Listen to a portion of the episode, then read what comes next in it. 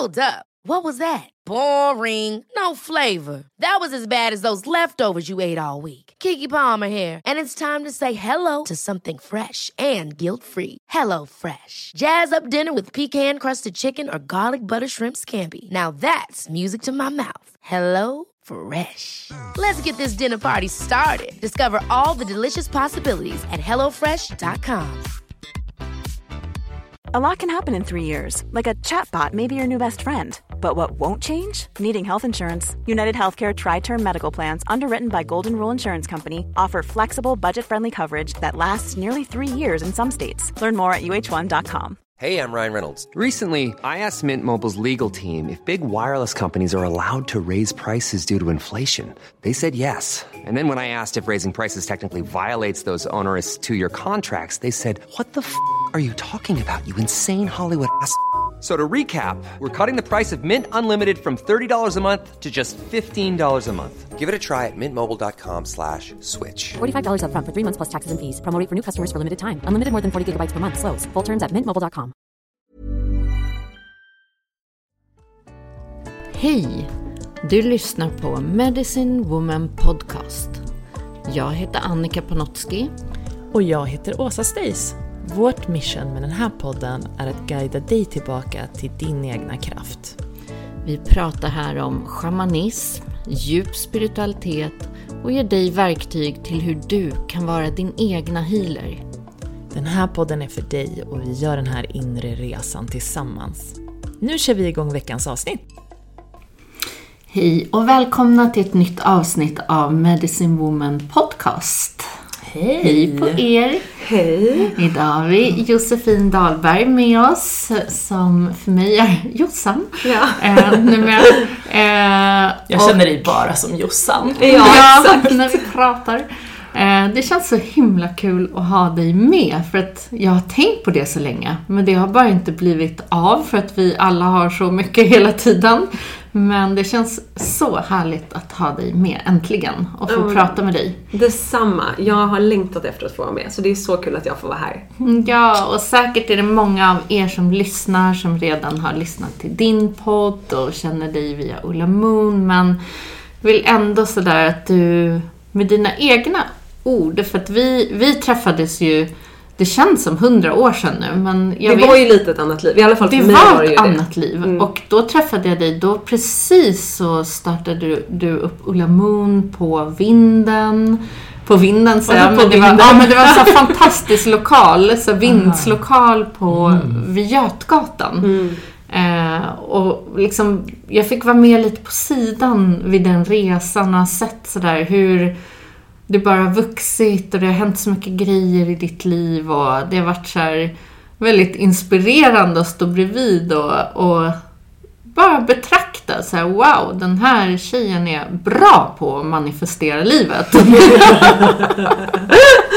Men det är dina ord, så kommer du ihåg liksom? Men jag kommer ju begynnelsen. ihåg även längre tillbaka till Ja. det, när jag träffade dig när jag fortfarande var inne i modebranschen.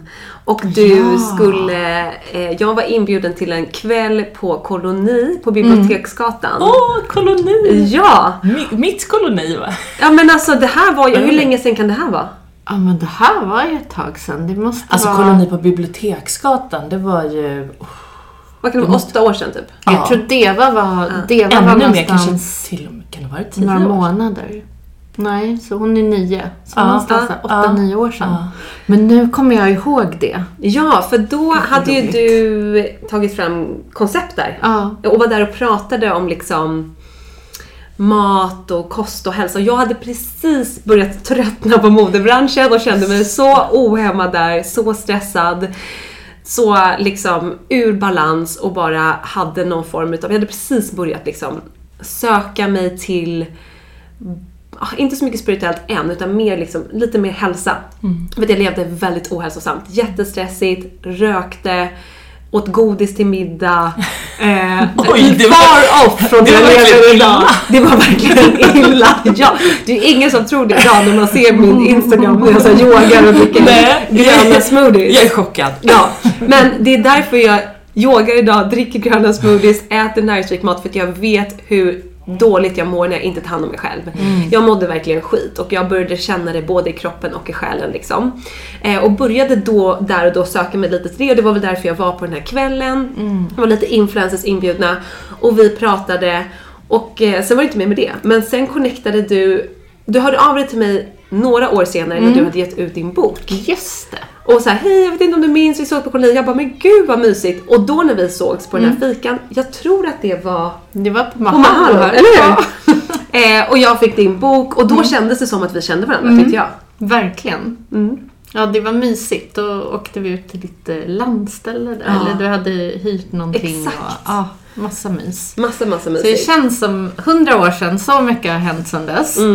Mm. Eh, Ja, herregud. Och jag, jag måste, förlåt Ja. jag avbryter dig men jag tänker, jag vet ju inte så himla mycket om dig i övrigt överhuvudtaget. Alltså, var kommer du ifrån? Vem är du?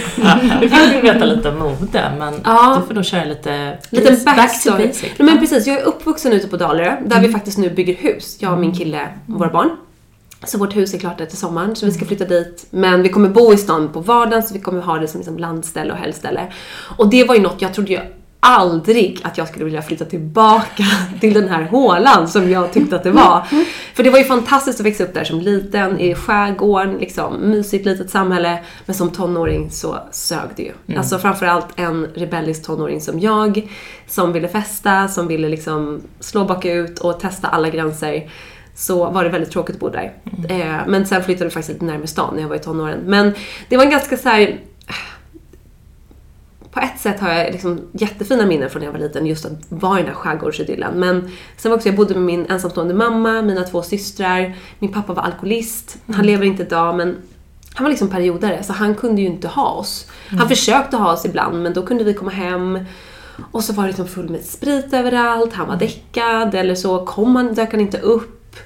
Han kunde haft oss och så skulle han åka iväg och handla så var han borta liksom hela dagen och så fick vi ringa mamma och att hon hämtade oss. Så Oh det var mycket oro liksom. Jag kände inte det här trygga hemmet. Nej. Mamma gjorde sitt Det var inte bästa. Bullerbyn liksom. Det var inte Bullerbyn, nej. Och mamma gjorde sitt bästa och skapade liksom så tryggt som möjligt hos henne. Men det är också svårt att vara ensamstående med tre barn. Ja. När du knappt har inkomst. Så hon jobbade liksom dubbla jobb, hade väldigt mycket fokus på att få ihop det rent ekonomiskt.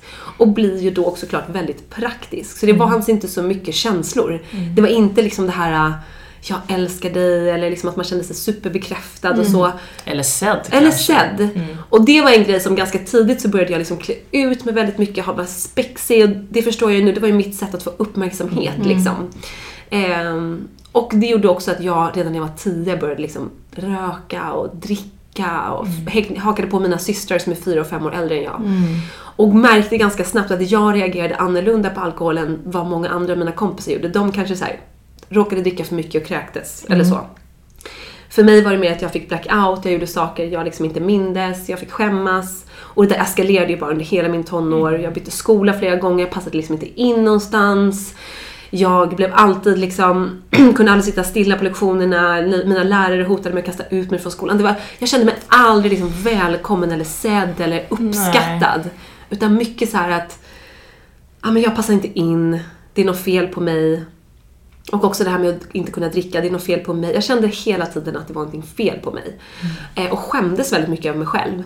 Men var ändå utåt sett en ganska glad tjej liksom. Hade väldigt mycket humor och använde väl det förmodligen för att både så här, orka eh, och, och om det var mitt sätt att hantera det. Att så här, skratta bort det eller försöka göra någon knasig grej av det hela liksom. Men, men hur gick det liksom med typ skolan och så? Var, var det här när du var ganska ung tonåring? Eller? För Mm. jag tänker att sen så måste du på något sätt ha kommit till, till modebranschen. Du kan inte helt ha legat liksom i ett dike Jag så att säga. nej, precis. Alltså, jag gick på ett väldigt kreativt gymnasium. Så mediegymnasium där vi hade TV-studio i Mm. skolan, vi fick göra TV-program. Och då fick ju jag liksom blomma ut. Jag är väldigt kreativ. Jag är Mm. absolut ingen pluggperson. Jag, eller jag ska egentligen inte säga det för att idag sitter jag och läser liksom böcker om kost och hälsa för det är mitt För att man är intresse. intresserad, Jag är så nördig i det så det gör jag mer än gärna. Men, men liksom i grunden så är det inte att jag har lätt för mig i skolan. Absolut inte, tvärtom. Jättesvårt att läsa och skriva och hade, gick på mycket extra lektioner i skolan och sådär. Ehm, men sen så under gymnasiet så hade jag väldigt kul i skolan. Men det var också då jag började dricka ännu mer så jag mådde också väldigt dåligt. Jag flyttade hemifrån i gymnasiet vilket gjorde att jag inte hade riktigt någon som hade koll på mig. Jag jobbade liksom helger, kvällar för att ha råd att bo hemifrån.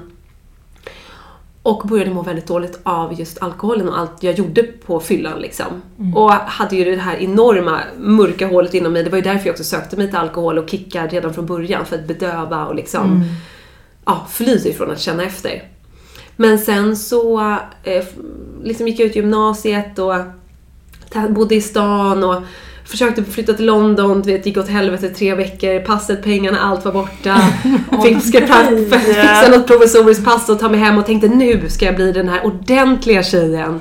Som är duktig, som också kan få en pojkvän. För alla killar jag hade tyckte att jag var för stökig och till slut så var de såhär, du får inte höra av dig till mig. För jag var ju så jobbig på fyllan. Jag så här, sov utanför deras dörrar.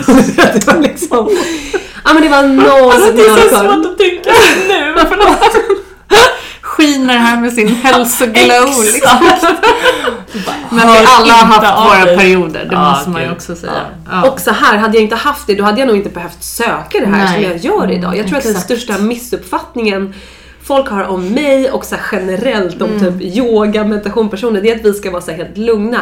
Mm. Men det är så här, vi har ju någonstans sökt oss till det här för att vi behöver det som någon form Exakt. av medicin. Ja, det är ett viktigt verktyg. Ja, Mm. och hade jag vaknat upp eller så här, fötts som världens lugnaste människa då hade jag ju nog inte behövt så här, Nej. meditera varje Nej. dag, Mm. göra de här grejerna, åka på alla olika retreats och grejer jag har gjort. Utan det har ju varit så här att jag har ju sökt liksom verktyg för att Balansera. bara balansera och... Det tycker jag är en sån viktig grej att prata om. För att dels liksom i hela den här hälsosvängen och under så många år som den har funnits med så känns det som att det har varit någon sån stämpel av att vara så himla pretto och göra det på något visst sätt och det här att man liksom ska prestera inom det. Nu har det blivit bättre men jag tycker att det har varit det väldigt mycket. Eh, men också det jag börjar omfamna, så här, nu börjar jag faktiskt bli lite äldre känner jag. Och jag börjar Nej. verkligen så här, omfamna just alla de här perioderna. Så här, krama om den där stökiga flickan, rebelliska tonåringen. Alla gånger man bara har screwed up liksom. För att det är ju det som på något sätt är livet. Och vem har inte levt med en massa olika sidor eller sett sig själv i spegeln och undrat vad fasiken man håller på med. Men det är ändå också det som har tagit en framåt, som har gjort att man har sökt svar eller möjligheter eller velat liksom komma till någon annan version av sig själv utan att behöva rata eller hata den andra versionen. Och det tycker jag, för mig i alla fall, har det varit en så livsresa. Att så acceptera alla de här delarna i mig själv och inte försöka bli någon perfekt version. För det, det mådde jag ju lika dåligt i som att vara i den operfekta versionen. Men eller hur, det, det tycker jag är fint för det upplever jag faktiskt att du gör väldigt mycket via dina kanaler. Att det blir väldigt så här. Ja, det är okej om det inte funkar. Det ibland skiter det sig och ibland har man inte tid. Och det blir lättillgängligt och det blir mänskligt. Mm. Så det känns Ja, fint. och alla har ju olika saker som man kanske har gjort eller som har varit tuffa perioder. Det är ju väldigt unikt för, för alla människor vad just det är. Men, men wow, du, du hade mycket där ett tag. Mycket, verkligen. Och jag, bara för att återkoppla på det som Ja, du sa Annika, så här, för mig så, så har det varit en viktig del i läkningen att känna medkänsla för mig i de olika perioderna. Att som du säger inte bara såhär, men gud hur fan kunde jag hålla på sådär? För det är klart att jag ibland bara tänker tillbaka på grejer jag har gjort och bara, nej men alltså det, hur kan det liksom, hur kan jag ha gjort sådär? Och då bara så här, skifta från det och vara i den dömande energin till att så här, känna medkänsla för den här stackars desperata tjejen som kände sig så osedd. Alltså jag hade ju mitt partytrick var ju liksom att så här, spela död för att få uppmärksamhet. För det var helt sjukt. Alltså Oh jag God. hade så många jag drog det så långt att jag en gång hamnade på sjukhuset. För att jag, det var mitt liksom sätt att få uppmärksamhet. Så är det någon, kommer folk verkligen bry sig om jag dör? Eller med att dejta en kille, hur kommer han reagera nu om jag dör i taxin? Alltså det låter ju helt sjukt. Och nu kan man säga, alltså hur har det varit här? Men du vet, jag bara, då bara händer en knäpp i mig och så bara och du vet, se de här personerna, vänner, killar kämpa för att få liv i mig. Jag bara låg och njöt. Och idag är det så här, nej men jag känner ju sån medkänsla för den Ja, här tjejen. Alltså stackars tjej som kände att hon behövde gå så långt för att känna kärlek. Och jag är ju också tacksam för att hon vågade liksom dra åt alla håll för det gjorde ju att jag till slut kom till en bristningsgräns där jag var så här. Jag klarar inte av det här. Alltså, det var därför jag blev, blev nykter när jag var 20 år gammal, vilket är ju så sjukt tidigt. Ja. Men jag hade maxat det så mycket under de här åren. Så att jag klarade liksom inte ett år till. Och det gjorde att jag kunde kliva in i min nykterhet och börja min inre resa. Och nu, liksom snart 14 år senare, känna liksom att självklart gör jag fortfarande grejer som jag ångrar, men känner mig så mycket mer i kontakt med mig själv. Och känner så mycket mer kärlek till mig själv och vet att jag förtjänar att vara älskad. Och det är så fint också tycker jag när man ser på, för nu säger jag faktiskt yngre generationer. Men jag har alltid tänkt på det sådär runt liksom dig och många runt omkring dig. Att det är så fint att det ändå kryper ner i åldrarna. Mm. Så där, vissa saker tog mycket längre tid tycker jag Ja, i våra i vår generationer. generation, ja. Att ta sig till att sådär ställa sig i att förstå bara. Att det var flickan som sökte kärlek och uppmärksamhet och, och bli sedd och bli hörd. Och att kunna älska henne, det tog lång tid tycker jag innan man kunde se alla sambanden även om man hade läst mycket och sökt mycket och, och det kan jag se också sådär om vi hoppar liksom en generation till som min äldsta dotters generation som är runt 24-25. Det är också, de är så medvetna och de kommer på sina beteenden så tidigt och jag tycker att det, det är väldigt vackert. Sen finns det ju någonting fantastiskt också i att det gick så, att det blev lite extremt för dig. Jag har en klok vän som, som sa någon gång att det värsta, det sämsta som kan hända till exempel i missbruk eller när man gör någonting sådär som inte är speciellt bra för en, det är att det är hållbart väldigt länge. För då kan du hålla på i liksom 40-50 år. Och sen har det gått så långt så att det finns liksom ingen återvändo på det och du har inte eh, gjort det mesta av ditt liv, du har inte lärt känna dig själv. Du har missat liksom eh, många chanser på något sätt för att du har kunnat göra det du har kunnat missbruka hållbart. Så ohållbart missbruk kan på ett sätt tror jag vara också en välsignelse. Eh, så... Verkligen, för så var det ju. Min pappa blev ju liksom aldrig nykter eller gjorde den inre resan. Och jag trodde att så här, jag hade varit nykter i två, tre år när han dog. Och jag hade alltid det som ett så här, men när han dör, för jag visste det för han var döende i många år. Men när han dör, då kan jag få kröka. Alltså vadå, ingen kommer kunna säga till mig att jag inte får kröka när min farsa dör. Alltså det är en legitim anledning att få supa liksom. Men när han dog så var ju det absolut, absolut sista jag ville göra. För att jag kände att så här, wow, jag har fått en chans till att bygga upp ett liv där jag faktiskt mår bra, lär känna mig själv, ta ansvar, skapa ett liv som jag mår bra av att leva. Till skillnad från min pappa som hela tiden flydde och aldrig kunde, alltså han bodde inte på ett ställe mer än ett halvår. Jag tror vi bodde ett- i en stuga i typ ett år, men han fick ju inte äga någonting, allt gick till Kronofogden, han var liksom helt utanför samhället på det sättet. Och det var ett väldigt starkt ögonblick för mig när han dog, att jag var så här. Men nu har jag liksom tagit mig hit, jag är nykter, nu kan jag välja vad jag vill skapa för liv. Så det blev väldigt starkt uppvaknande för mig.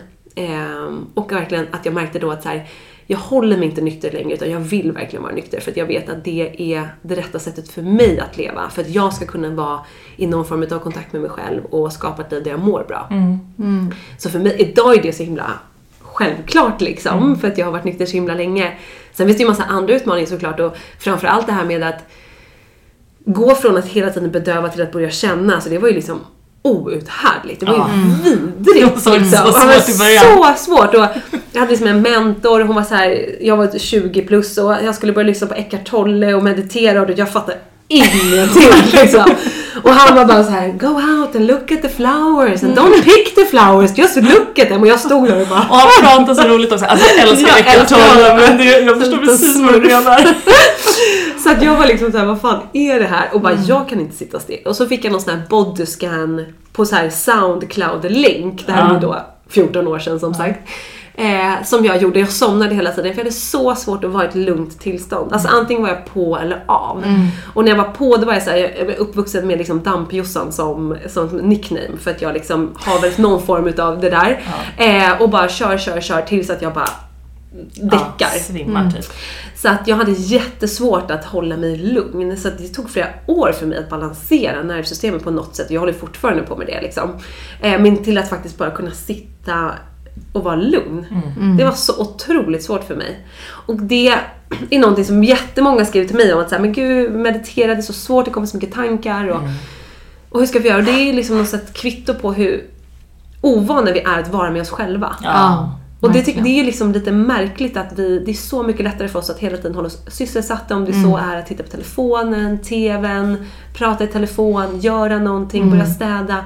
Att bara sitta, det är som att "Nej, men jag är för rastlös för det och det ska nästan vara lite så här coolt att så här, nej men gud, göra. Att göra och nej men gud, det där är för, jag är för rastlös för det, jag kan inte. Och, det är bara ett kvitto på hur liksom disconnectade vi är. Och för mig, när det, när det kom upp för mig att säga, gud, jag kan inte ens sitta med mig själv. Gud, det här måste jag jobba på, liksom den här relationen. För att du, du ville liksom hela tiden springa, snabbare, snabbare, Alltid. snabbare, håll tempot liksom. Och jag är fortfarande det draget. Ja. Alltså det är ju någonting som jag fortfarande behöver. Det är därför jag nu verkligen mediterar varje dag. För då märker jag ju hur jag så här kommer tillbaka till mig själv, ska, skaffar en liksom mer inre grund och connection och sådär. Sen springer jag iväg. 100 procent. Det känns ändå som att du har lyckats kanalisera den här ådran. För så brukar jag alltid tänka så här, vi alla har ju våra liksom eh, olika sidor. Eh, vissa sidor kanske inte har gynnat oss i vissa perioder. Men vi kan också ta samma egenskap och verkligen så kanalisera in den i något område och då blir den någonting bra. Och du har ju gjort det i din business till exempel. Sen är ju allting en balans, men jag menar där har ju du haft ett extremt driv när man har tittat på så här vid sidan.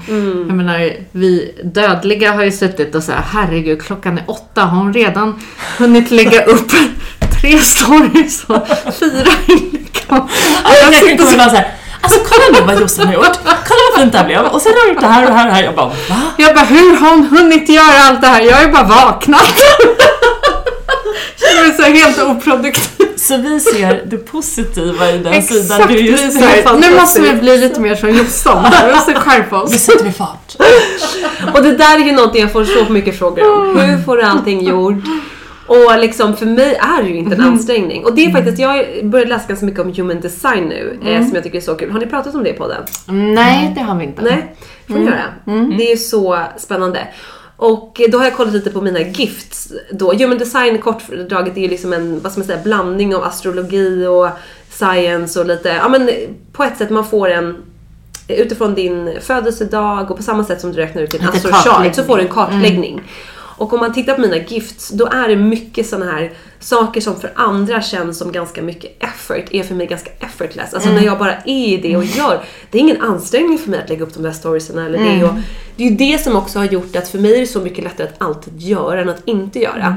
Men som vi pratade om när vi käkade lunch nu innan, att så här, Ja men du sa någonting att det känns som att jag har en bättre work-life balance nu och jag känner verkligen det och är så stolt över mig själv för det. För det är någonting som jag har strugglat med så många år. Att jag hittat en mycket bättre balans och också känner att jag inte behöver liksom hela tiden springa på nya bollar på samma sätt. Eh, Och jag har två små barn hemma, det blir en helt annan balans såklart. Men eh, det har ju tagit ett tag att hitta dit, men att ha det här drivet, det är liksom inga problem för mig. Alltså jag älskar det jag gör. Jag har aldrig liksom, ja men du vet att jag känner mig så, åh jag är helt omotiverad. Utan jag tycker att det är så jävla kul. Och där tror jag också, dels är det för att jag gör det jag älskar. Jag är i line med det jag ska göra. Men också är det att vi är ju så olika.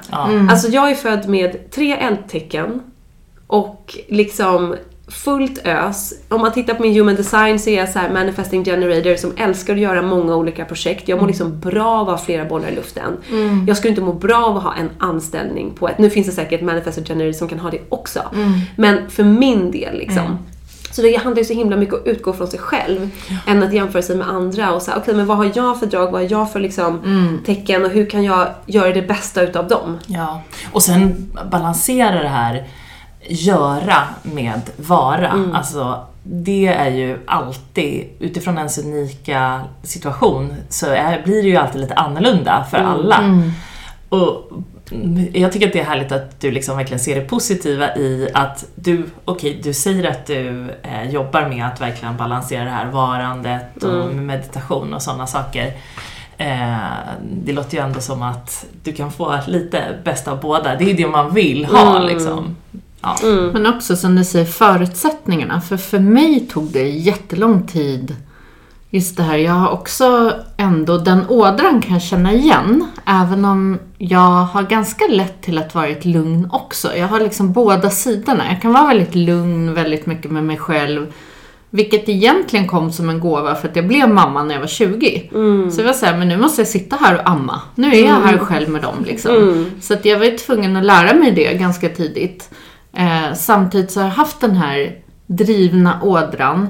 Men någonting i mitt liv som jag konstant har fått påminna mig själv om. Vilket jag också såg så här, ja men nu har ju du fött två barn. Det är så att jag glömmer bort att jag har fyra barn.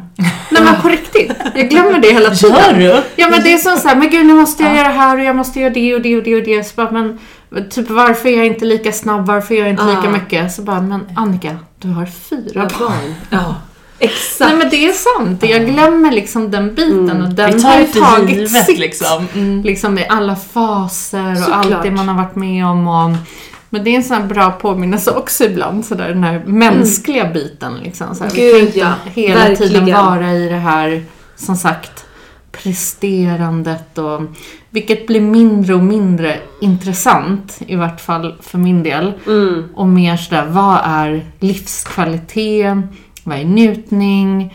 Om jag har den här tiden kvar här på jorden, vad, är, vad vill jag göra av den tiden? Och vad är egentligen viktigt med nära och kära? Och, och hur får allt det plats tillsammans med kreativitet och driv och såklart man vill göra saker och så. Men, men det är på ett annat sätt tycker jag än, än kanske för tio år sedan bara för mig. Gud ja. Absolut. Jag intervjuade en, en, en tjej häromdagen om manifestation. Hon är en brittisk tjej som har skrivit böcker om det. Superinspirerande. Och hon sa någonting med så här. It's no point of having success if you haven't healed because then you will not enjoy it. Och jag bara såhär, ja. Så för jag sant. vet ju liksom att så här, under min, jag fick mitt drömjobb när jag var 25, jag tjänade jättebra, jag reste världen runt, jag var på New York Fashion Week, Paris Fashion Week och liksom levde loppan. Första gången tyckte jag det var jättekul, andra gången så här, mm, tredje gången bara, jag vill inte ens lämna mitt hotellrum, jag vill ligga här och äta godis. Jag orkar inte gå på en jävla modevisning liksom.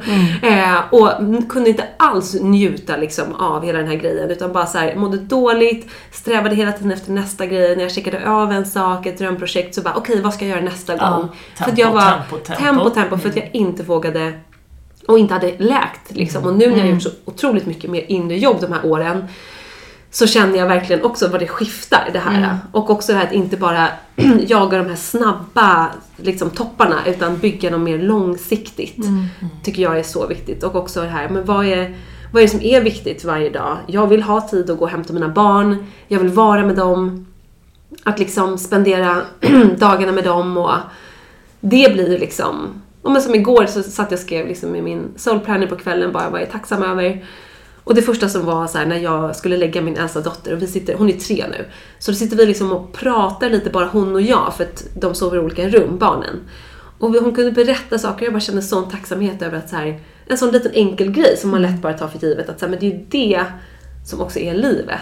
Att de här små, små stunderna och nu när barnen börjar bli lite äldre, när det inte bara är skrik och sådana grejer, så märker jag också att shit, jag vill verkligen vara med dem och ha tid för det. Det är så jäkla viktigt. Alltså, Det är det. Bra att du tar upp dina barn nu, för jag tänkte fråga dig lite också om att bli mamma. Jag tänker, med tanke på din uppväxt också som du har berättat om nu, hur kände du liksom när, när du skulle bli mamma och du skulle få byta roll? Eller få en ny roll? Ja, men jag var taggad på att bli mamma. Det var ingenting jag hade gått runt och längtat efter i flera år liksom. Och jag och min kille fick barn väldigt fort.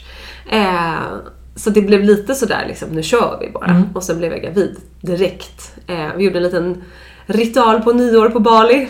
Två veckor senare var man på smällen. Så att eh, det var liksom, gick väldigt, väldigt fort. Och ja, men jag kände hela tiden att jag kände mig väldigt naturlig. Att gå in i den rollen. Och, eh, för jag har inte varit jättebarnkär. Det har mer varit såhär när någon kommer och visar upp sin unge på jobbet. Man bara, nu har jag sett den. Hejdå! Typ petat lite på Den. den. Ja, 100% den. Alltså inte den här känslan. Och även liksom när mina, mina kompisar började få lite barn så här, då kände man ju lite mer om det var någon man verkligen kände, någon nära vän.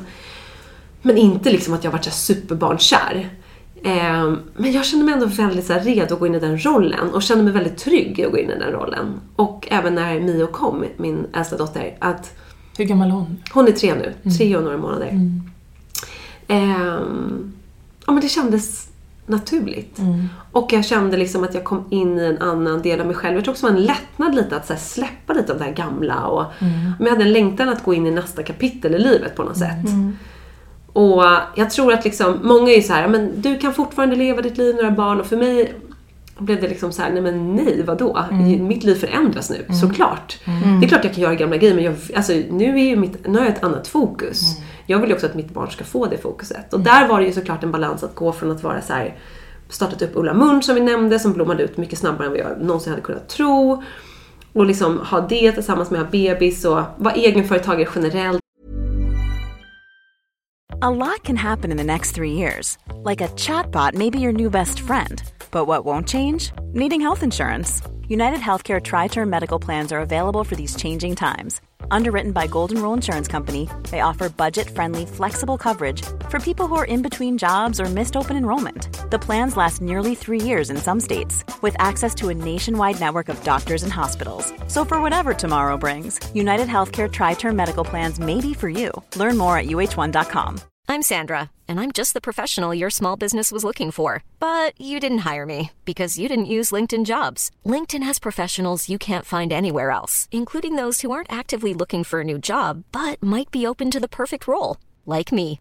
In a given month, over 70% of LinkedIn users don't visit other leading job sites. So if you're not looking on LinkedIn, you'll miss out on great candidates like Sandra. Start hiring professionals like a professional. Post your free job on linkedin.com/people slash people today. Att ha massa personalansvar och allt vad det innebär och försöka liksom lösa det på bästa sätt samtidigt som man har en bebis som också inte heller sover överhuvudtaget. Liksom. Det var ju väldigt utmanande år. Och sen så blev jag ju gravid igen när min dotter var nio månader. Och då gå igenom en till graviditet och Då hade vi ett företag ihop. Ja, det hade vi. Och det företaget var ju påtänkt innan mitt första barn. Så det tog, det hade en lång startsträcka. Herregud. Så Så det det var man ju- inser så här, allt går inte alltid ihop. Nej, så är det ju verkligen. Och det tycker jag du är väldigt modig och inspirerande till. Att du, du är bra på att ta de där besluten när det är så här, nej men det här kommer inte funka. Men till slut, jag vill säga att Typ som i det fallet, alltså, där är det till slut. För jag kan liksom, även om jag ibland vet att det här kommer inte funka. Ja. Så idag känner jag mig mycket mer trygg i mig själv till att faktiskt kunna säga det. Men då bara för typ två, tre år sedan så var det väldigt mycket jobbigare. Alltså så här, ångest inför det, känna sig dålig, sviker jag någon? Har jag liksom, nu har jag sagt att jag ska ta på mig det här, nu får jag stå mitt kast. Sen bara, men livet förändras, mina förutsättningar förändras och jag måste hela Verkligen. tiden utgå ifrån hur ser mitt liv ut idag? Inte när jag tog ett beslut för flera år sedan. Och det tycker jag är någonting man kan ha med sig liksom i alla delar av livet. Det är så lätt att vi ibland säger, nej men nu har jag gett mig in på det här, nu får jag liksom köra det här, jag får bita ihop. Men det är ju verkligen inte det livet ska gå ut på och det blir inte bra för någon. Nej. För ibland tror man att så här, men jag biter ihop för att göra det för den andra personen. Men om vi inte är i det med ärlighet och kärlek så kommer det ändå inte bli bra för dem runt omkring oss. Så att det är ju det, Det har bästa varit för min alla. största Ja. utmaning i livet kan jag säga. Jag har dragit mina relationer år för länge. Jag eh, i samarbeten, i, jag har så svårt att just den här, för det är någonting med en sån här plikttrogenhet där jag går över mina egna gränser. Det jag vill så gärna bara för att liksom på något sätt inte såra och inte... Så det har varit någonting jag verkligen fått jobba med. Medan också sådär idag, för mig så tror jag när jag tittar på min inre resa så har det nog i mitt fall rört sig om mitt egna värde. Absolut. Att när jag har tagit mig till en annan plats i det värdet så är jag också sådär, men det är klart att jag är ju också värd att må bra. Varför sätter jag alltid alla andra före mitt egna välmående?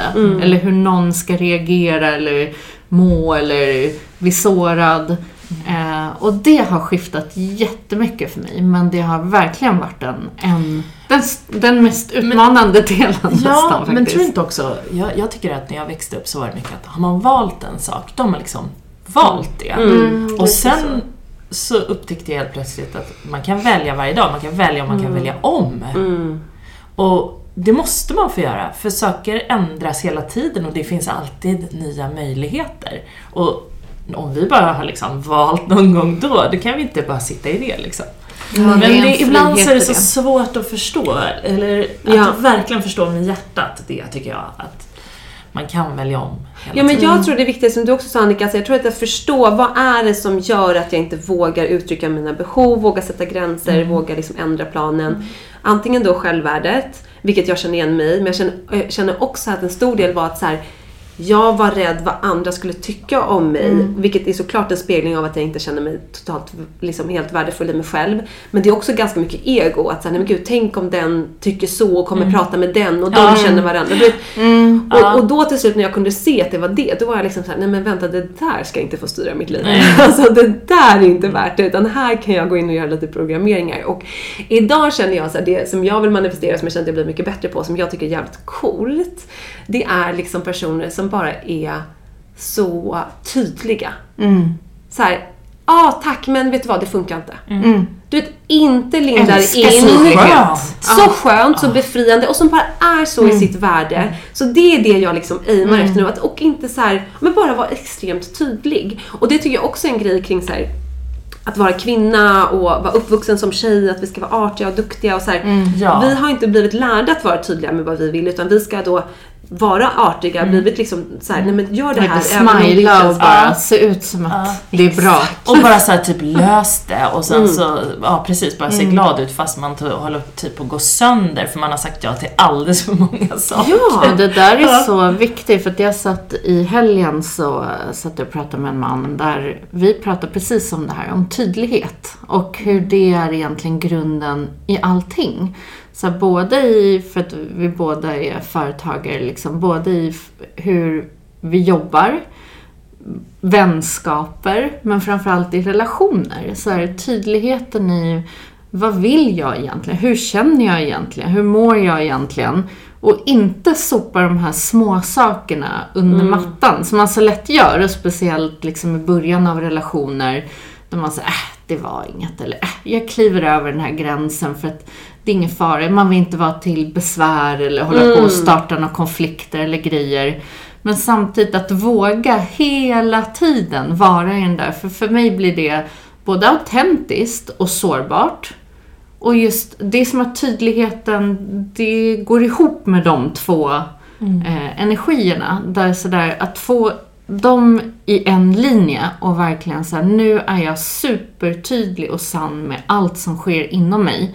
Då kan det inte bli så mycket Alltså de här, oftast när vi har tagit de här omvägarna är det ju för att vi inte har varit helt sanna. Ja.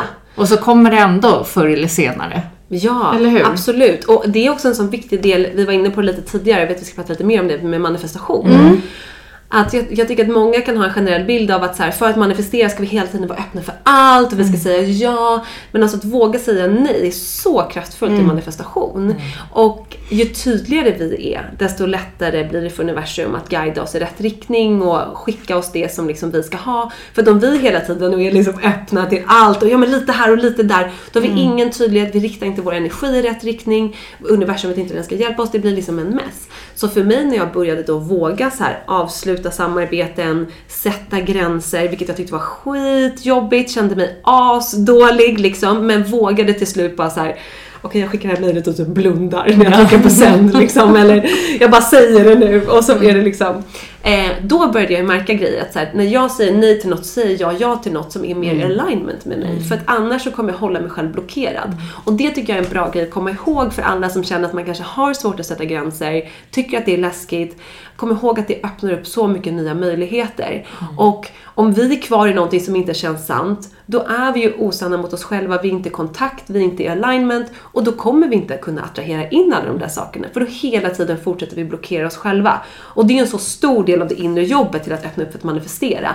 Att bli liksom eh, get, liksom, vad säger man? Ja, men bli, få klart för dig vad du vill och göra tydliga actions utifrån det för att visa dig själv, universum, åt vilket håll du vill liksom. Så att Tycker man att det är läskigt, börja med så små grejer och eh, fortsätt från det. Och så tror jag också man kommer börja se att det händer grejer. För att annars kommer vi inte få in något nytt om vi hela tiden står och stampar på fem olika ställen där det inte känns bra liksom.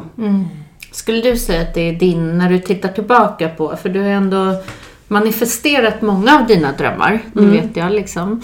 Eh, när vi har pratat och sen så ser man sådär, wow, nu hände ju det, vad roligt li- att det hela tiden på något sätt går i den linjen ändå. Sen så tror jag att mycket av det vi tror, det kan komma i andra former och Mhm. det, det kanske är det vi har önskat oss men det kommer på ett annat sätt. såg inte exakt Men som nej. jag trodde bara. Men Nej, vad skulle du säga är sådär, när du tittar tillbaka, vad är liksom den största aha-upplevelsen för dig själv? Så, aha, är det så det funkar? Funkar, Är det mm. det här med tydligheten eller är det någonting annat du känner? Ja, nej men absolut. Att så här, när jag vågar välja det som är rätt för mig så löser det sig alltid. Eh, jag minns bara när jag hade då det första modejobbet och jag liksom tjänade jätte, jättebra och min mamma som då som sagt hade varit ensamstående med tre barn, dubbla jobb. Jag tjänade liksom mer än vad hon någonsin hade tjänat och hon var bara såhär, du får, du kan liksom inte säga upp dig. För för henne var ju såklart ekonomi nummer ett för det var det hon var liksom i lack of och det var det hon strugglade med som bara den. Och jag kände att nej, men jag mår inte bra här. Jag måste lyssna på min inre röst och säga upp mig. Och då, då hade jag liksom inte då varit så ordentlig, skaffat ett sparkonto och sådär. Utan jag bara liksom, mamma jag har en inre röst som säger åt mig att säga upp mig. Och typ blogga. Och hon bara, vad är en blogg? Men då hade jag ju faktiskt då drivit min blogg på sidan av mitt jobb och tjänade redan pengar på den och visste att så här, nej men jag kommer klara det här. Eh, och när jag tog det beslutet, att våga säga upp mig från det här jobbet och satsa på mitt egna och det bara löste sig hur bra som helst. Då kände jag så här: wow, okej, även om det är skitläskigt, även om det känns obekvämt på, på liksom, för egot och liksom gå utanför sin comfort zone och allting. Men när det känns bra i hjärtat så, så guidar det oss i rätt riktning. Och sen har jag liksom tagit många beslut på samma sätt efter men också många gånger låtit ego ta över. Att säga, nej men det kommer nog bli bra ändå och tänk om, jo men det kan vara en bra möjlighet och så här, prata in mig på ett spår. Ja, Men då har jag ju vetat liksom att det här kommer inte bli bra. Och då har det blivit bevisat för mig sen också att säga, nej men det här var inte rätt väg. Så att eh, ja, använda mitt in, min inre guide, mitt hjärta som kompass är liksom, det är guiden, eller grunden till att manifestera. Och sen också våga se sig själv, eh, tro att det är tro att det man vill ha är möjligt för sig. Det var som när jag då sa upp mig från modejobbet och sa till min kompis att så här, ja men jag har bestämt mig, jag ska fakturera 100 000 i månaden. Och det här är kanske så här sju år sedan. Hon bara, eh, va? Hon bara, vadå skämtar du? Typ. Jag bara, nej men vadå? Hon bara, när ska du ha det som mål? Jag bara, nej men typ nu. Och jag var så säker på att så här, men det är väl inga problem. Och det var inga problem. Och sen blev det 200 och sen vissa månader var det 300. Och så, men jag var inne i ett sånt flow för jag hade sån otrolig tro på mig själv, jag var i så min kreativitet. Jag hade så kul med det jag gjorde. Jag bara såg att det fanns massa möjligheter. Jag var mer såhär, nej men gud vad ska jag välja av allt det här? Och var i sånt flow. Och då blev det också så tydligt för mig att så här, ja, när jag vågar lita på det som mitt hjärta säger och följa det och vara i mitt flow, tro på mig själv. Då kommer det liksom att löna sig på många sätt. Men sen blev det då för mycket och jag fick verkligen en läxa av att lära mig balansen i det här som vi var inne på lite tidigare. Men det är ju liksom, ja, våga följa hjärtat, tro att det är möjligt. Och det är ju en väldigt direkt koppling till vad vi känner att vi är värda. Om vi är värda att liksom må bra och leva ett liv som känns bra. Och där behöver vi alla göra olika inre omprogrammeringar utifrån vad vi är uppvuxna med. Jag var uppvuxen med en mamma som hade dubbla jobb. Jag såg henne aldrig ta hand om sig själv. Jag såg henne aldrig vila. Jag såg henne ta två Alvedon och jobba ändå. Och var liksom uppvuxen med den mentaliteten att så här, kavla upp, det är segt, det är jobbigt men du gör det bara. Jag var liksom aldrig sjuk för mina jobb. Jag bara köttade på. Men sen så också, det var något som kom väldigt starkt till mig när jag just blev gravid och blev mamma. Att så här, jag köper liksom inte att det måste vara så här. Nej. Alltså det måste finnas ett annat sätt. Det, liksom, det kan inte vara att det är meningen att när vi blir föräldrar så ska vi... slit, ja, så är det liksom. slit och vi ska Ja. skita i oss själva. Sen, nej men vänta, det är ju nu jag behöver ta hand om mig själv som mest. När jag inte sover, när jag inte får tid för mig själv. Då måste jag ju liksom hitta de där små luckorna till att ladda på mig själv inifrån och ut. Och det blev jättetydligt för mig. Och det är faktiskt sen dess. Många säger att man tappar sina rutiner som man får barn. Det är sen jag fick barn som jag har haft min absolut bästa rutin. Alltså min vardagliga rutin som jag kommer tillbaka till hela tiden. För att jag också gjorde den så mycket mer skalbar. Förut så trodde jag att jag behövde gå till gymmet en timme och bli så här lila i ansiktet. Sen upptäckte jag Yogan, jag var ju då, den, den biten skippade vi när vi körde vid Life Story, men Ja. jag hade ju några år där. Du kan gå när jag, när jag åkte på många retreats runt om i världen för att jag fick en dragning till det och många av mina kompisar var såhär, men gud Jossan ska du inte bara åka på en solsemester? Typ? Och jag bara, jag ska till Indien, bli yogalärare. Och jag åkte liksom runt på massa olika retreats och hade liksom en sån längtan och visste att det finns andra sätt att leva på, det finns verktyg liksom för att kunna göra den här inre resan. Jag vill inte leva liksom avstängd och sådär utan jag ville verkligen öppna upp för att våga känna. och då så när jag blev yogalärare och började yoga och sen så under då när jag blev mamma av pandemin så, så insåg jag att så här, nej, men jag måste inte ta mig till gymmet utan jag kan köra någonting hemma och det kan vara 20 minuter och det är fine. Och då har jag liksom nu de här tre åren, jag har ändå fått två barn liksom, den här åren, ändå hållit liksom bättre rutin än vad jag någonsin har gjort. Vad roligt, jag kör också 20 minuter om dagen. Ah. Väldigt viktigt. Nej men alltså Ja. det är life changing. Ja. det ger Underbart. liksom superbra effekt, jag känner det i kroppen, jag liksom Absolut inte att jag märkte större skillnad varken liksom kroppsligt eller känslomässigt när jag var på gymmet så jag slut på mig själv. Tvärtom. Då gick jag också bara så här råstressad i mitt system. Ja. Jag mår ju så mycket bättre av att göra det hemma i min takt. Vissa dagar kör jag lite hårdare, vissa dagar mjukare liksom. Och Eh, jag måste köra lite styrketräning men det funkar ju också hemma. Alltså Gud, man kan ja. göra så mycket ja, hemma. Men där verkligen. älskar jag din nya app. Ja. Alltså den är ju fantastisk och jag är sådär, det är som mitt mål här för 2024 att använda den ännu mer. Men jag sa till dig att jag och Deva har, vi, vi gjorde ju pass tillsammans med Mm. core-passet. Och jag kan säga att hon klarade det där bra mycket bättre än vad jag gjorde. Det måste jag prova. Ja, det vara var så. jätteroligt. Ja, Det är jag så mycket inspirerande recept och eh, jag brukar titta sen när jag har idétorka så bara jag går in här och kika Mm. på vad man kan inspireras av och ja men den är så fin verkligen. Tack. Jätte, Vad heter det? Den heter Body and Soul Care och det är ju då en mix av hemmaträning, mindfulness och recept. För att för mig är det så viktigt liksom alla delarna. Ehm, och också just det här att ibland träna lite, liksom ta i och sen lite mjukare träning, meditation som vi var inne på. Och sen kosten för mig har ju varit en alltså, jätteviktig grej. Jag, som jag sa, levde inte så hälsosamt. Godis till middag, ciggen på balkongen. Eh, och till slut fick jag ju så ont i magen att jag inte ens kunde gå. Alltså jag skulle gå ut med min hund på kvällarna så fick jag stötta mig fram på min kille eller mitt ex. Eh, för jag hade sån magknip. Eh, Så att min mage ballade ut totalt efter år av att liksom inte tagit hand om mig själv. Och det var då jag fick börja lägga om min kost och började förstå vad min mage mår bra av och inte. Och det är något jag fortfarande utforskar men liksom det har blivit något enormt skillnad. Och det var också det varför jag kände en sån himla kall inte att dela liksom kost och recept och sånt för att jag visste liksom inte att man kunde må så här bra. Jag visste verkligen inte det. Också bara den grejen med magen. Jag tänkte så här, men alla får väl ont i magen av att äta. Alltså eftersom att jag alltid haft det hela mitt liv så trodde jag liksom. Och sen när man blir äldre och ändå börjar prata om såna här grejer. För jag har ändå haft magsmärtor, jag har varit inne på sjukhus och ingen har kunnat förklara. Så jag tänkte så här, men då är det inget fel. Då är det bara att det är så här det är liksom. Och då minns jag i alla fall mitt ex, han var såhär, men så du måste kolla upp det här. Det här liksom går ju inte. För där det successivt kommer, då är det så att man vänjer sig så mycket. Nej men jag vänjer mig vid att, vet du vad? Den här kvällen, jag kan inte följa med ut för jag har sån magknip så jag måste ligga på soffan liksom. Ja, och sen är vi ju ofta eh, inte så kopplade. Vi är inte så inkännande. Vi förstår inte att det här är kroppen som säger att nu räcker det. Inget mer av det där. Du behöver göra någonting annorlunda. Men istället om man går till en läkare och säger så antingen så kan man ju få höra att det är ingenting eller att du kanske får någon tablett eller någonting. Men det är egentligen inte det, är inte det kroppen Nej. säger. Exakt. Eh, men ja, vad bra att du förstod att det var något annat Ja, och att det ja. blev så här bra grejer. Ja men exakt, och började lägga om det så det tycker jag är så kul. Och det är också den här, precis som du säger, för så var det för mig i begynnelsen verkligen med kosten.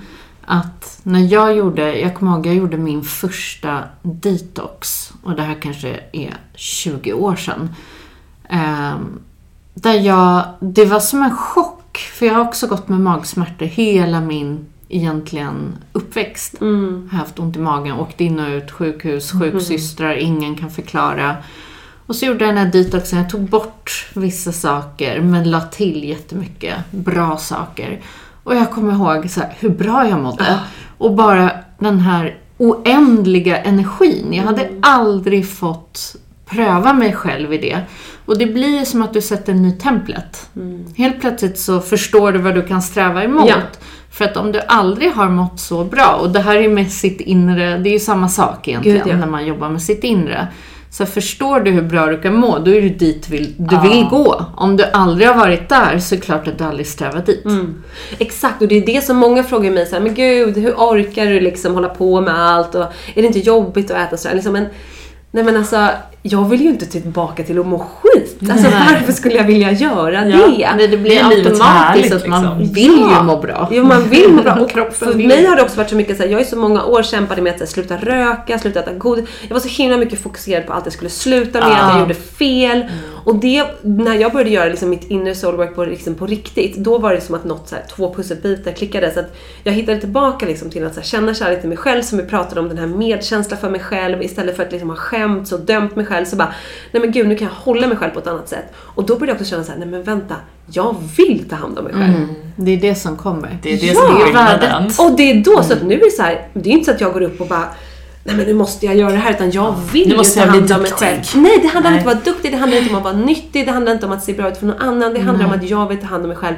Jag förtjänar att liksom visa min kropp och min själ kärlek och respekt och jag vill ta hand om mig själv på bästa sätt. Så att det är det, som är stora skillnaden. vanligt som någonting annat. Alltså det är det jag också känner sådär. Jag har aldrig tyckt att det är något jobbigt eller att ha de här sakerna hemma. Eller, Det blir bara en del av ens vardag. Det blir på ett nytt sätt. Exakt. För du har vant om dig. Så att det är inte mer jobbigt än har gjort det på det andra sättet. Det är precis samma sak, det är bara på ett nytt sätt. På ett nytt sätt, Ja. verkligen. Och sen också när man hittar till exempel den träningen som man tycker är rolig, då längtar man ju efter det Ja. på ett annat sätt och kan tycka att det är både helt naturligt, skönt, alltså bara att få börja på morgonen och börja med en stretch och bara så här: åh gud vad härligt, nu ska jag göra det här en stund, jag behöver inte vara någon annanstans. Det är ju underbart. Men jätteofta säger folk till mig lite samma sak, så här, bara, ah men hur orkar du? Ah, nej jag har verkligen inte tid och eh, ah, det låter jättejobbigt. Så bara, Mm. Nej. Gör det verkligen det? Det är hur härligt som helst. Exakt. Så det är ju, Det är ju det är ju ett skifte, vanor. men det kan ju ta tid att liksom hitta det som funkar för en själv, som man verkligen tycker är så härligt och så kul. Eller, Precis, och testa, Eh. våga testa runt. Ja. Alltså så har jag gjort liksom. Jag testar fast, fortfarande nya grejer för att jag hela tiden också vill utvecklas och hitta nya sätt. Och jag tycker det är ju liksom så roligt tycker jag. Men, men så för många som kanske känner att man inte är där, då är det ju egentligen att så här, börja med att göra inner soul work. Alltså börja med att jobba med ditt inre och omprogrammera de här blockeringarna som sitter där. Och Det går ju hand i hand. Ja, verkligen. För att så här, vi kan ju få in hur mycket hälsosamma vanor som helst, framförallt nu när det nyligen har varit nyår. Och, Ja. Men liksom gör vi ingen inre förändring så kommer det tyvärr inte förmodligen att hålla. Eller Och- påverka oss och göra oss att vi mår bättre.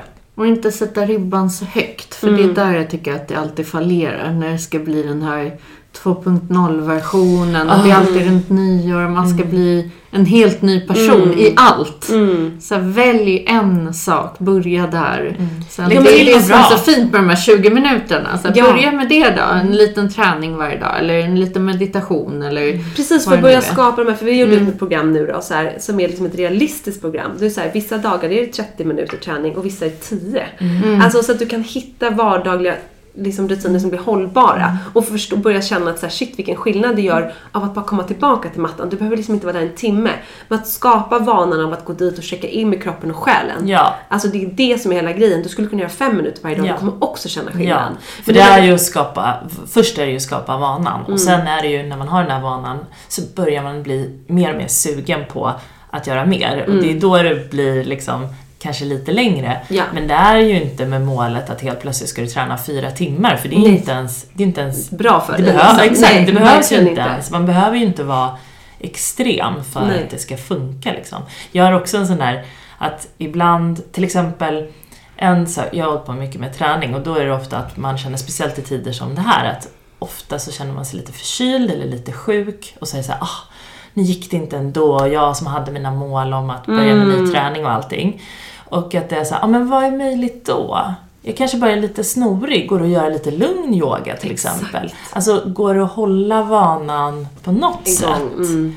Eh, för det är ju inte så ofta som vi har 40 graders feber. Mm. Liksom. Då kan man ju verkligen absolut inte träna, men kan man göra någonting? Och där tror jag att man måste ändra sin inställning också till vad träning är. Måste det vara det här långa, Mm. jobbiga eh, slitet? Eller kan det vara någonting som är rätt så härligt och enkelt? Exakt, och ha det här skalbara liksom. Att så här, jag kan absolut fylla en timme, inga problem. Jag kan fylla 40 minuter, men jag kan också fylla en kvart. Och det viktiga är att jag vet att kvarten gör skillnad. För mitt gamla jag hade dömt ut, dömt ut den och sagt att jaha, men har jag bara en kvart då kan jag lika gärna skita i det. Ja. Idag vet jag att jag kan få träningsvärk om en kvart. Alltså, jag har ett benpass som är 13 minuter. Alltså varenda gång folk gör... Vi får så mycket kommentarer bara “Jag kan inte gå!” Så att jag säger bara, korta pass kan vara effektiva. Men vad skulle du säga om vi har en sån här veckans activation till de som lyssnar? Det låter ju lite som att, är det något i manifestation eller är det de här kanske kvartarna som man ska vara där och sätta igång en energi i? Ja, men jag tror, någonting som jag själv gjorde nu, faktiskt en liten miniritual som jag tyckte var väldigt fint just här i början av året. Det var att liksom verkligen ta en liten stund för mig själv. Grunda mig genom meditation eller andning, vad man än känner hjälper en att så komma ner i varv, kunna landa lite mer inåt. Och sen sätta mig och skapa liksom min drömdag. Hur ser liksom min drömdag ut? Hur ser morgonen ut? Hur ser liksom, hur, vad gör jag på lunchen? Vad gör jag när jag kommer hem? Vad gör jag på kvällen? För jag kan, jag vet vad jag mår bra av. Men jag kan hamna i att så här, alla mina kompisar ligger och kollar på den här realityserien som jag egentligen tycker är så kul. Men jag gör det då för alla gör ju det. Typ att jag kan ändå hamna i det där. För det är också ganska skönt att lägga sig och kolla på TV. Så då kan det vara såhär, äh, men fan skitsamma alla andra gör det, jag gör det, och gör det också. Men jag vet att så här, det jag mår bäst av, det är så här, absolut, kanske kolla lite TV. Men sen att så här, gå in en timme tidigare i badrummet, börja varva ner, lägga mig och läsa. Och nu har jag verkligen börjat det här året med att säga, nej men jag vill att liksom, jag vill lyssna till det jag behöver för att må bra. Och inte fastna i att så här, men som många lever idag, man har telefonen konstant, man ligger och scrollar i sängen eller man fuckar upp dygnsrytmen med liksom skärmar och sånt där. Och det, är- det är klart jag gör det ibland också, men jag har märkt nu bara de här få liksom, veckorna på det nya året när jag har gjort det, gett mig själv kvällsrutinen, alltså det är sån enorm skillnad på min sömn, på när jag vaknar, på min känsla i kroppen. Så att, att så här, ta en liten stund till att checka in med hur börjar jag mitt, min dag på bästa sätt? Vad kan jag göra under dagen? För mig är det till exempel att få små påminnelser som jag har på min mobil till att så här, checka in med mig själv så att jag inte bara kör på i 180. Och sen på kvällen att göra en kvällsrutin jag mår bra av. Eh, och sen såklart Ibland händer det någonting annat, men alltså ändå ha en grund. Och sitta liksom och känna in vad, vad man själv mår bra av. Och det kanske bara är att man har någon, kommer på någon sån här liten vana. Men ge sig själv ett litet break till att fundera. För det är så lätt att vardagen bara rullar på. Och att vi kör på i gamla mönster. Och det kanske är mönster som inte hjälper oss att må så bra som vi kan. Så sätta sig ner och också kanske visualisera det här lite. Så här, så här, se dig själv göra de här grejerna, se dig själv börja morgonen med att ta tid för dig själv. Se dig själv ta tid på kvällen för att lugna kroppen, komma ner i varv. För att också när vi börjar se oss själva kunna göra det så blir det också mycket lättare för oss att kunna få igenom det. Så att en liten sån stund skulle jag säga. Åh, vad Det var bra. fint. Jag älskar den här göra. visualiseringen på slutet också. För det är lätt, liksom, eller lätt och lätt, men ibland får man ner någonting på papper och sen så släpper man den lite kanske för fort. Och att verkligen gå igenom det där sista steget, det tror jag är eh, suveränt. Att visualisera sig själv göra det och verkligen kanske känna känslan av Exakt. hur det perfekta, den perfekta dagen skulle vara. Alltså jag måste bara säga Jossan, det är så himla kul att prata med dig. kan vi komma hit Detsamma! Vi har så mycket Jag att prata om jag. känner att vi... Jag ja, känner kul. det som en så avslutsfråga som jag är nyfiken på i vart fall. Det är lite med sådär, men där du är idag, vi pratar visualisering och manifestation. Finns det någonting som du drömmer om där du är utifrån nuet som du har börjat visualisera dig själv här framåt? Som du vill Ja, dela jag tar med upp oss? det som jag pratade om när jag kom in här på kontoret. Ja. Och även om det kanske är längre fram. Men jag ser ju för mig själv ha ett litet hus på Ibiza. Ett litet vitt stenhus och odla mina grönsaker och eh, hänga Och med er. granne. Exakt! Och liksom verkligen ha ett så här offline-hem där man bara åker och är. Eh, och det kanske inte sker nu och jag vet inte hur det ska gå med barn och grejer men whatever, jag vet ju bara att det kommer hända. Eh, hur det kommer hända och när det kommer hända det vet jag inte men det är universums jobb. Så att jag bara vet att det kommer ske. Och jag ser så mycket fram emot det. Framförallt den här snöiga dagen så längtar jag till Åh, mitt Ibiza-hem. Det var så lustigt också när du Ja. kom in och började prata om Ibiza. Jag bara, men Ibiza? Ja, det är fantastiskt. Och då det har vi det nu här dokumenterat. Exakt. Så då vet vi, kan vi gå tillbaka sen och så ser du när du pratade om det här vita huset här i podden. Ja, Så härligt. Vi får spela in Och att det. ni som lyssnar får komma och hälsa på. Exakt. Vi är många som ska vara där. Ja men så härligt. Så att ja, det är, även om det inte är, som sagt, det behöver verkligen inte ske nu. Men det är en sån Vad himla- vet man? Vad vet man? Ja men åh, så stort tack för att Ja, du tack. var här. Så inspirerande alltid. Och eh, man hittar ju din fantastiska podd där poddar är. Absolut. Ja. Och den heter också Body and Soul Care. Och sen så på Instagram heter jag josefindalberg.se. Och där finns ju liksom länkat till allt annat. Jag går in och tittar, för er som inte redan har gjort det, gör det. Det är så otroligt mycket inspiration där. Tack snälla ni. Ja, men tack till alla er där hemma också som lyssnar och vi hörs snart igen. Hej då! Hej då! Tack för att du har lyssnat på veckans avsnitt av Medicine Woman Podcast. Vi skulle bli så glada om du vill dela podden med dina vänner och följa oss på Instagram. Kika gärna in på vår hemsida där du kan bli medlem, hitta våra egna produkter och bli en del av vårt härliga community. Och glöm inte att du har allt du behöver inom dig.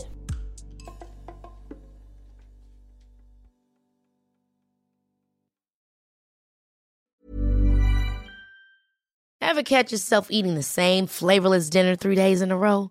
Dreaming of something better? Well, HelloFresh is your guilt-free dream come true, baby. It's me, Gigi Palmer. Let's wake up those taste buds with hot, juicy pecan-crusted chicken or garlic butter shrimp scampi. Mm. Hello Fresh. Stop dreaming of all the delicious possibilities and dig in at HelloFresh.com.